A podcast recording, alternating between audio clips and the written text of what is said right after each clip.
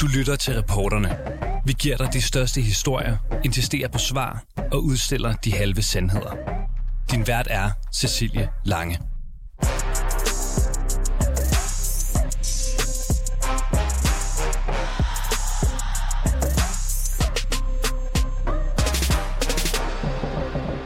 Om cirka 24 timer den 8. november går vælgerne i USA til midtvejsvalg. Et valg, der som sædvanligt ligger halvvejs inde i den siddende præsidents embedsperiode og som afgør magtbalancen i kongressen.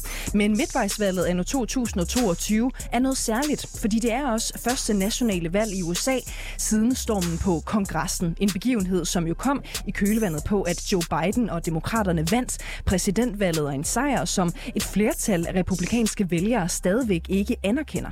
En opgørelse fra mediet 538 viser, at over 300 kandidater ved morgendagens valg enten støtter løgnen om, at Bidens sejr ikke gik efter bogen, eller er de skeptiske, eller så vil de slet ikke svare på, om de anerkender valgresultatet.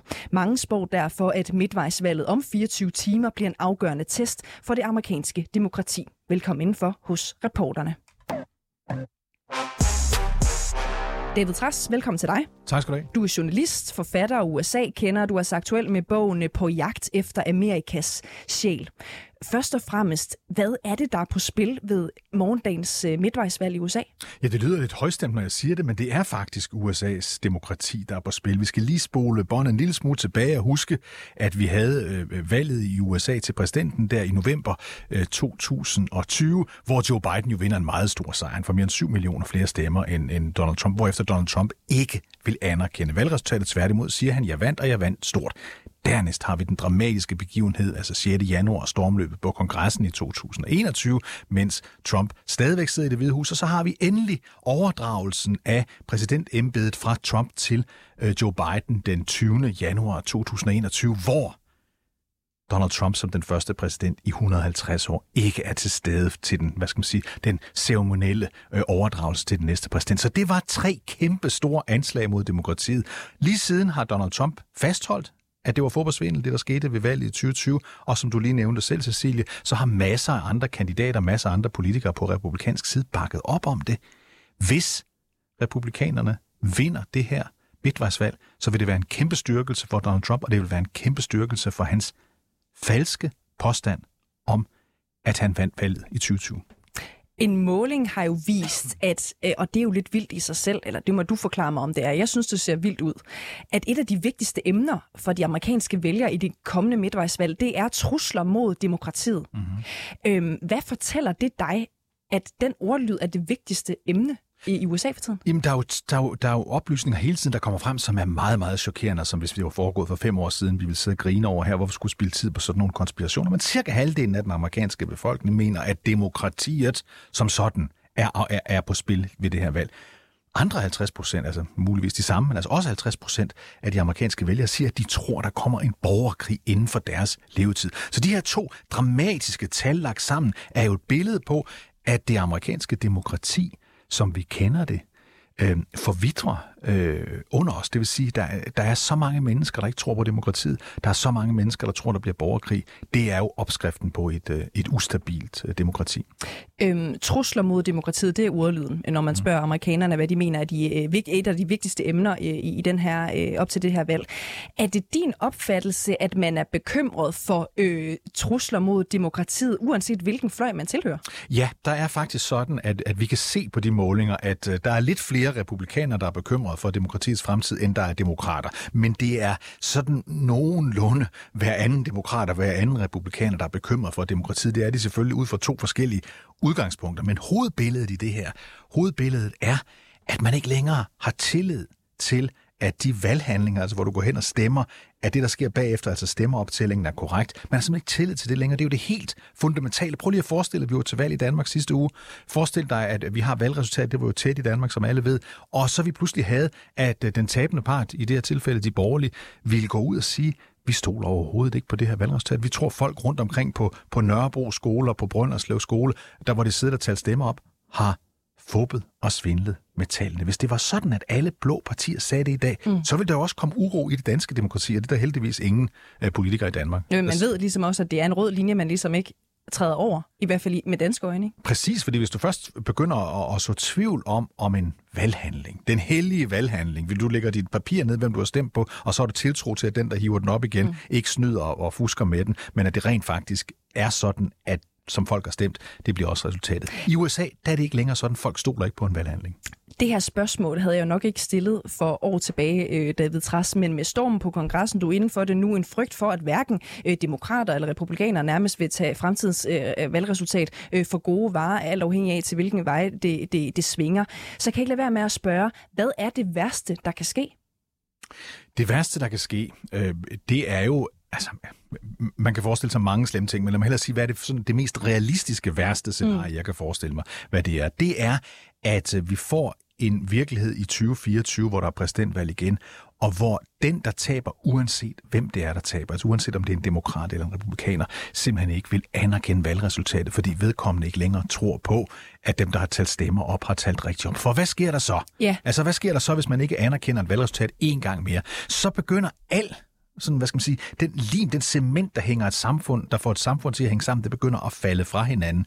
Så kan vi risikere, det, når man siger borgerkrig, øh, så skal man ikke sådan se sådan en borgerkrig for sig, ligesom sådan en borgerkrig i, i gamle dage, hvor to forskellige herrer, de kæmper mod hinanden internt i et land. Nej, det man skal se for sig, det er uro i gaderne.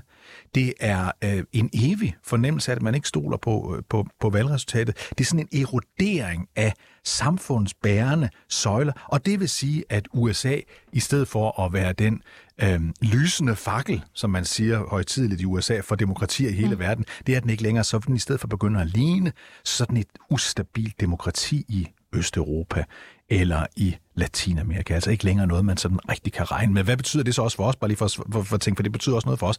Det betyder, at øh, den sikkerhedsorden, den, det Vesten, vi har haft siden 2. verdenskrig, som har sikret, at vi i vores del af verden har levet i fred og stabilitet og vækst og alt det der, det vil langsomt også falde fra hinanden. Og en ting er jo, David Træs, altså uro i gader. Det er jo svært, det er jo svært at forestille sig, mm. men uro i gaderne, en mistillid til dem, som sidder øh, for bordenden i de, i, i de forskellige, øh, øh, på høje poster i USA, kan det også have øh, konkret betydning for de systemer, som plejer at varetage øh, borgernes ved at vælge i USA? Hvad, hvad vil krakelere? Hvad vil smuldre øh, i hænderne på amerikanerne, hvis der lige pludselig ikke anerkendes øh, et af de største demokratier, den valghandling, vi ser? Jamen, så begynder ting jo at falde fra hinanden. Det har vi jo allerede set i de sidste 4, 5, 6 år i øh, USA, både mens Trump var præsident og også efterfølgende. For eksempel en, en total mistillid øh, hos cirka halvdelen af befolkningen øh, til de amerikanske sundhedsmyndigheder, da man skulle håndtere coronakrisen. Der var også nogen i Danmark selvfølgelig, der ikke stolede på Søren Brostrøm og hvad de nu alle sammen hed, men det var meget få. Og der var ingen politiske partier, der gik ud og sagde, vi tror ikke på Søren Brostrøm og al hans løgne. Det var der ingen, der sagde. Vel ikke, ikke, ikke folk, der betyder noget. Der var nogen, der sagde det ud på kanterne. I USA så vi allerede under coronakrisen, at meget store mængder af amerikanere og rigtig mange politikere så et tvivl om sundhedsmyndighederne, men det kan jo også være om, øh, om, om, om arbejdsløshedsstatistikker. Du ved, altså, mm. lad mig bare komme med et barokt eksempel fra den tid, hvor Trump rent faktisk var, øh, var præsident. Når hvad der svarer til Danmarks statistik kom ud og sagde, at ledigheden er for eksempel på 4,2 procent, så sagde Donald Trump, det var han ikke enig i. Ikke enig. Og det vil, så det vil sige, alt det vi baserer en demokratisk samtale på, nemlig at der er nogle tal og nogle oplysninger, der er rigtige, det falder fra hinanden. David Tras, journalist, forfatter og USA-kender. Tusind tak, fordi du var med. Tak skal du have. Ja, grænsen mellem republikanerne og demokraterne er trukket tydeligere op end nogensinde før. Kandidaterne fra begge fløje virker på mange måder måske mere skøre end hidtil. Vores reporter Silas Moody har set nærmere på midtvejsvalget i USA, og ikke mindst, hvilke farverige kandidater amerikanerne lige nu kan vælge imellem. USA står over for et midtvejsvalg. Valget den 8. november kommer i høj grad til at handle om retten til fri abort og ikke mindst demokrati. For en opgørelse fra mediet 538 viser, at 60% af de amerikanske vælgere har mulighed for at sætte sit kryds ved en valgfornægter. Amerikaneren Sandy her mener, at valget af Joe Biden som præsident var en løgn, og det er en tredjedel af vælgerne faktisk enige med hende i. Uh, there's lots of proof, honey. Lots of proof. I haven't seen you it. You have not seen it? We've no, and, and, you know, we had 62 court cases, and they all said there's no proof. Yeah, there's there's tremendous proof. Proof's in the pudding. Blandt republikanerne er der tale om mellem 60 og 70 procent af vælgerne, der mener, at der har været valgfusk. En af dem er Charlie Burnside her. Anybody with a brain have to vote for Trump. I mean, uh, why would you vote any? Why would you not vote for a businessman, someone who was not part of the swamp in Washington? Look how bad things have gotten in America since since he's not there right now, and a lot of this is the swamp trying to get revenge. Nu spørger kritikere så, hvis kandidaterne ikke vil acceptere det mest efterprøvede demokratiske valg i USA's historie, vil de så acceptere og godkende det næste, hvis deres side ikke vinder? Det kan vi for nu kun gætte om. Til gengæld kan vi se nærmere på nogle af de kandidater, der kan blive afgørende for valget, og ikke mindst for USA's fremtid som demokratisk nation. My father taught me how to handle my first gun. I taught my son Oliver how to do the same. I've been shooting and hunting my whole life. So when people say I won't support guns, they're dead wrong. Boom! Det her er David Oss. Han stiller op for republikanerne i Pennsylvania, og så er han tidligere tv-læge for Oprah Winfrey. Det er bare lige det, at hans tidligere chef, Oprah Winfrey, offentligt bakker op om hans modstander. Det er ham her. I do support fracking, and I don't. I don't. I support fracking, and I stand and I do support fracking. Han hedder John Fetterman og er demokrat for Pennsylvania. Han vil springe jorden i stykker for olie, og så er der lige en anden ting, som karakteriserer demokraten fra Pennsylvania. I had a stroke. He's never let me forget that. And I might miss some words during this debate, mush two words together. John Fetterman har fået et slagtilfælde, der blandt andet betyder, at han ikke kan interviews, uden at have skrevet alt ned inden, fordi han simpelthen kognitivt ikke kan forstå og forholde sig til spørgsmål hurtigt nok. Til gengæld har tidligere præsident Barack Obama valgt at rejse rundt med John Fetterman for at køre hans valgkampagne. Vote for John Fetterman, who leaders who are going to fight for that big, inclusive, hopeful, forward-looking America that we believe in. Put down your phones and what? Thank you, Pennsylvania. 13.000 km sydpå i staten Georgia stiller Herschel Walker, der er tidligere running back og NFL-stjerne op til senatet. I dag er han republikaner og abortmodstander. Han kæmper mod abort til trods for, at flere ekskærester har fortalt, at han har betalt for deres abort. Derudover kæmper han for hårdere straffe, men har ifølge sin ekskæreste troet hende med en pistol. Og så har Herschel Walker lidt de samme problemer med at huske sit CV som Søren Papes eksmand. When Walker pulled out what appeared to be a badge. You know what's so funny? I am with, many police officers. For Walker er nemlig ikke politibetjent. Han var derimod ude at have sex med kvinder i stedet for at passe sine børn. Det påstår Walkers søn i hvert fald. He has four kids, four different women, wasn't in the house raising one of them. He was out having sex with other women. Do you care about family values? I'm just saying, don't lie. Don't lie on my mom. Don't lie on me. Don't lie on the lives you've destroyed and act like you're some moral family man. Y'all should care about that. Conservatives. Lidt dårlig stemning i familien, men på trods af det, så viser målinger lige nu, at et flertal i befolkningen i Georgia vil stemme på Walker frem for hans demokratiske modstander, præsten Raphael Warnock. Og mens vi taler om øh, splittelse blandt befolkningen og partierne i USA, så går en øh, gruppe medlemmer af konservativ ungdom rundt i Florida for at stemme dørklokker. Mere konkret så fører de kampagne for den amerikanske senator Marco Rubio og Floridas guvernør, det ham, der hedder Ron DeSantis. Øh, de har mødt voldsom kritik, både fordi at de her to kandidater med danske briller måske har nogle lidt yderliggående politiske holdninger. Marco Rubio for eksempel har tilkendegivet, at han personligt er indet abortmodstander, og så har han for nylig afvist at støtte et lovforslag, som sikrer homoseksuelle retten til ægteskab. Ron DeSantis, som er konservativ ungdom, også er over og kører kampagne for. Han står bag en lovgivning, som forbyder undervisning af elever under 10 år i seksuel orientering og kønsidentitet. Begge bliver altså betragtet som en del af Trump-fløjen i øh, USA. Anders Storgård, velkommen til dig. Tusind tak. Øh, du er byrådsmedlem i Frederiksberg for Konservativ, og så er du tidligere formand for Konservativ øh, Ungdom. Anders Storgård, burde de her øh, KU-medlemmer være blevet hjemme, synes du? Mm.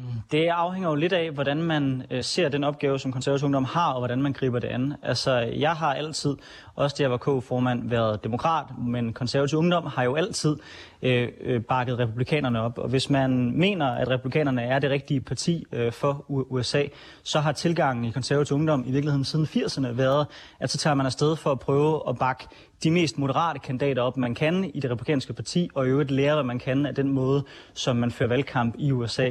Udfordringen, kan man så sige, er, at det republikanske parti i tiltagende grad bliver mere og mere skørt, hvorfor opgaven om at finde nogen, der bare er ja, mildt fornuftig at høre på, bliver sværere og sværere. Øh, og med de kandidater, der er den her gang, så tyder det på, at opgaven nok også har været været rimelig svær for den nuværende ledelse i konservativ ungdom. Ja, for det er jo altså to kandidater, som du er. Så nu kalder du, nu kalder du dem øh, øh, skøre, altså republikanerne, øh, mere sådan bredt men der er heller ikke nogen tvivl om, at for eksempel sådan en som Marco Rubio, selvom han har nogle meget ekstreme holdninger, særligt også i en dansk kontekst, så er han desværre en af de mest moderate republikanere, der er tilbage i det parti, fordi partiet har taget så voldsom en højre drejning, som, som, som de har. Det skal man bare, synes jeg, huske, når man, øh, når, man, når man tager drøftelsen i Danmark også, at vi ser på det fra vores perspektiv, hvor dansk politik er helt anderledes. Altså Bernie Sanders blev betragtet som hardcore socialist i USA. Mandens øh, sundhedspolitik, den handler om, at det private skal drive sundhedsvæsenet, og det offentlige skal betale for det. Det er jo mere liberalt, en liberal alliance, som man nogle gange tror, at man skal passe på med at overføre for meget i hvert fald fra en dansk kontekst til en amerikansk. Ja, og med det en mente, mener du så personligt, Anders Storgård, at det er en fejl, at de her unge KU-medlemmer øh, er taget sted for at, at, at lave kampagne? Altså, nu støtter jeg selv demokraterne, så selvfølgelig synes jeg da, at det er en fejl generelt at bakke republikanerne op. Men hvis man bakker republikanerne op, så forstår jeg det godt, at man vil tage afsted for at lære af det. Og det er jo ikke det samme, som man nødvendigvis bakker alt den politik, de fører op. Altså, jeg hører ikke, at, at konservative ungdomsmedlemmer er tilhængere af at afskaffe aborten, øh, eller mener de her meget ekstreme ting, som øh, Sally Ron DeSantis også, også står for. Det er faktisk ikke den oplevelse, jeg har. Jeg har mere en oplevelse af, at det er nogle unge mennesker, der synes, at amerikansk politik er spændende, som mener, at øh, vores søsterparti, republikanerne, har en hel masse problemer i den politik, de fører nu, men som gerne vil over og lære af dem, og så ja, forhåbentlig også bakke, øh, bakke de mere moderate kræfter op i øh, partiet. Så kan man så diskutere, om der overhovedet findes moderate længere tilbage i, det republikanske parti. Det, det, det er ikke min opfattelse længere, men, men det er i hvert fald det, der er resonemanget fra deres side. Ja, og som jeg hørte, Anders Storgård, så mener du altså ikke nødvendigvis, at man kan antage, at KU-medlemmerne altså deler holdning en til en, for eksempel med Ej, Mark, øh, øh, øh, Marco Rubio, men, men bare lige for at, at følge den til dørs, Anders Storgård. Øh, hvordan giver det mening at arbejde aktivt, synes du, for en politikers kampagne, hvis man ikke ønsker, at vedkommende bliver valgt? Øh, jeg tror nu sådan set, at de, at de koger, der tager afsted, de ønsker, at personen bliver valgt ud fra de alternativer, der er øh, derovre. Øh, men det er jo ikke det samme, som man politisk set er enig med dem. Altså, øh, der har jo mange gange været danske ungdomspartier, der også har taget afsted for at føre kampagne for demokratiske kandidater, hvor mange af de folk jo også er tilhængere af dødsstraf. Det betyder jo ikke nødvendigvis, at man så i en dansk kontekst også er tilhænger af dødsstraf. Så jeg tror, det er vigtigt at adskille tingene. Altså, øh, det konservative Folkeparti og KU er jo medlem af internationale organisationer, ligesom jo Socialdemokraterne er, hvor der jo er folk fra hele verden, og guderne skal vide, at det er en anden måde, man er konservativ på i USA, end man er i Danmark, eller i Tyrkiet, eller wherever. Altså det, det, det er jo i høj grad også kontekstbestemt. Og nu er du måske øh, farvet, Anders Storgård. Du har i hvert fald lige sagt, at du, at du i højere grad øh, tilslutter, demo, øh, tilslutter dig demokraterne. Men det er bare for at prøve at finde ud af, vil det ikke give bedre mening, hvis det var, at øh, de nuværende KU-medlemmer øh, ja, tog over og hjalp demokraterne, fordi at det jo måske mere i dagens Danmarks er mere en til en i forhold til, hvad de egentlig selv går og mener. Jo, det er jo det, jeg mener. Men, men, men deres analyse af situationen er noget andet. Deres analyse er, at fordi der er så stor kulturel forskel på Danmark og USA, så giver det ikke mening at oversætte vores syn på, på politik til den amerikanske kontekst. Det mener jeg ikke, for jeg mener, at den politik, jeg mener er den rigtige for Danmark, det er også den rigtige øh, politik for USA. Men det er jo en uenighed i forhold til, hvordan man griber det her an. Og så skal man også være klar over, at hvis KU tog over kampagne for demokraterne, så vil det skabe en hel del problemer for konservativ ungdom, fordi de, fordi, fordi republikanerne er vores søsterparti, vi med af de samme organisationer, og de organisationer vil med rette spørge, hvorfor er det lige i overføre kampagne for de politiske modstandere? Altså, vi vil jo også, tror jeg, forundre os lidt, øh, hvis der kom et øh, parti fra, lad os sige, Spanien, øh, som var vores søsterparti, og de begyndte at føre kampagne for Socialdemokratiet. Så det er, nok, det er nok nærmere et spørgsmål om, bør man tage afsted, eller bør man ikke tage afsted mere end det er realistisk, man kan forestille sig, de vil tage over for at føre kampagne øh, for den modsatte side. Jeg kan ikke lade være med at spørge dig, Anders Storgård. Så Marco øh, Rubio har afvist at støtte en lov, som skal sikre for eksempel homoseksuelle retten til at blive gift øh, i USA. Altså, er det den rigtige, eller kan det accepteres på en eller anden måde, øh, at, at KU fører kampagne for øh, ham, når øh, moderpartiet her i Danmark har en homoseksuel formand, som jo har været gift indtil for ganske nyligt? Altså bare sådan som insider, er det ikke mærkeligt? Altså generelt set synes jeg, at det republikanske parti har enormt mange mærkelige holdninger. Og det er uanset om det, om det, om det er det her, men det er jo også lige så meget i forhold til deres, øh, til deres socialpolitik, som jeg mener helt off. Der er også nogle republikanske kandidater, der går til valg den her gang på, at vi ikke skal støtte Ukraine med en krone. Så der er der en hel masse steder, hvor jeg synes, at det bliver mærkeligt, at man over, at føre kampagne for dem. Så det, det, det, kan, det kan jeg sådan, sådan, sådan set godt relatere til. Jeg siger bare, altså, det er i højere grad, det er jo det er noget, man har gjort i rigtig, rigtig mange år, også man har været politisk uenig med republikanerne, så det er jo i højere grad altså en samarbejdsordning, hvor man også lærer hinanden kampagnemæssigt. Sådan noget som signwaving, altså hvor man står med de her plakater, mm. det er jo noget, der kom til Danmark, fordi KU var derovre for at lære af republikanerne dør til dør, det her med, at man banker på, som Socialdemokraterne den her gang har gjort i stor stil. Det er noget, de har lært øh, fra den amerikanske valgkampsteknik, fordi på mange måder, der er der, der er de bare foran. Så altså, jeg har fulgt med enormt meget med i amerikansk politik, særligt under Trump, fordi jeg var så chokeret over alt, der skete derovre. Øh, og jeg må bare sige, alt amerikansk politik og de fleste holdninger er mærkelige. Og det er altså uanset om det er højre eller venstrefløj. Jeg er tilfældigvis mere enig med venstrefløjen derovre, men, men jeg, jeg tror heller ikke, du vil være enig med, med det, som mange af de demokratiske kandidater siger. Anders Storgård, tusind tak, fordi du var med her, altså byrådsmedlem for de konservative på Frederiksberg og tidligere formand for konservativ ungdom. Og så vil jeg også sige tusind tak til jer, som har lyttet med til dagens program. Du har lyttet til reporterne på 24 /7. Hvis du kunne lide programmet, så gå ind og tryk abonner hos din foretrukne podcast-tjeneste, eller lyt med live hver dag mellem 15 og 16 på 24 /7. Tips skal altid sendes til reporterne snablag 247.dk.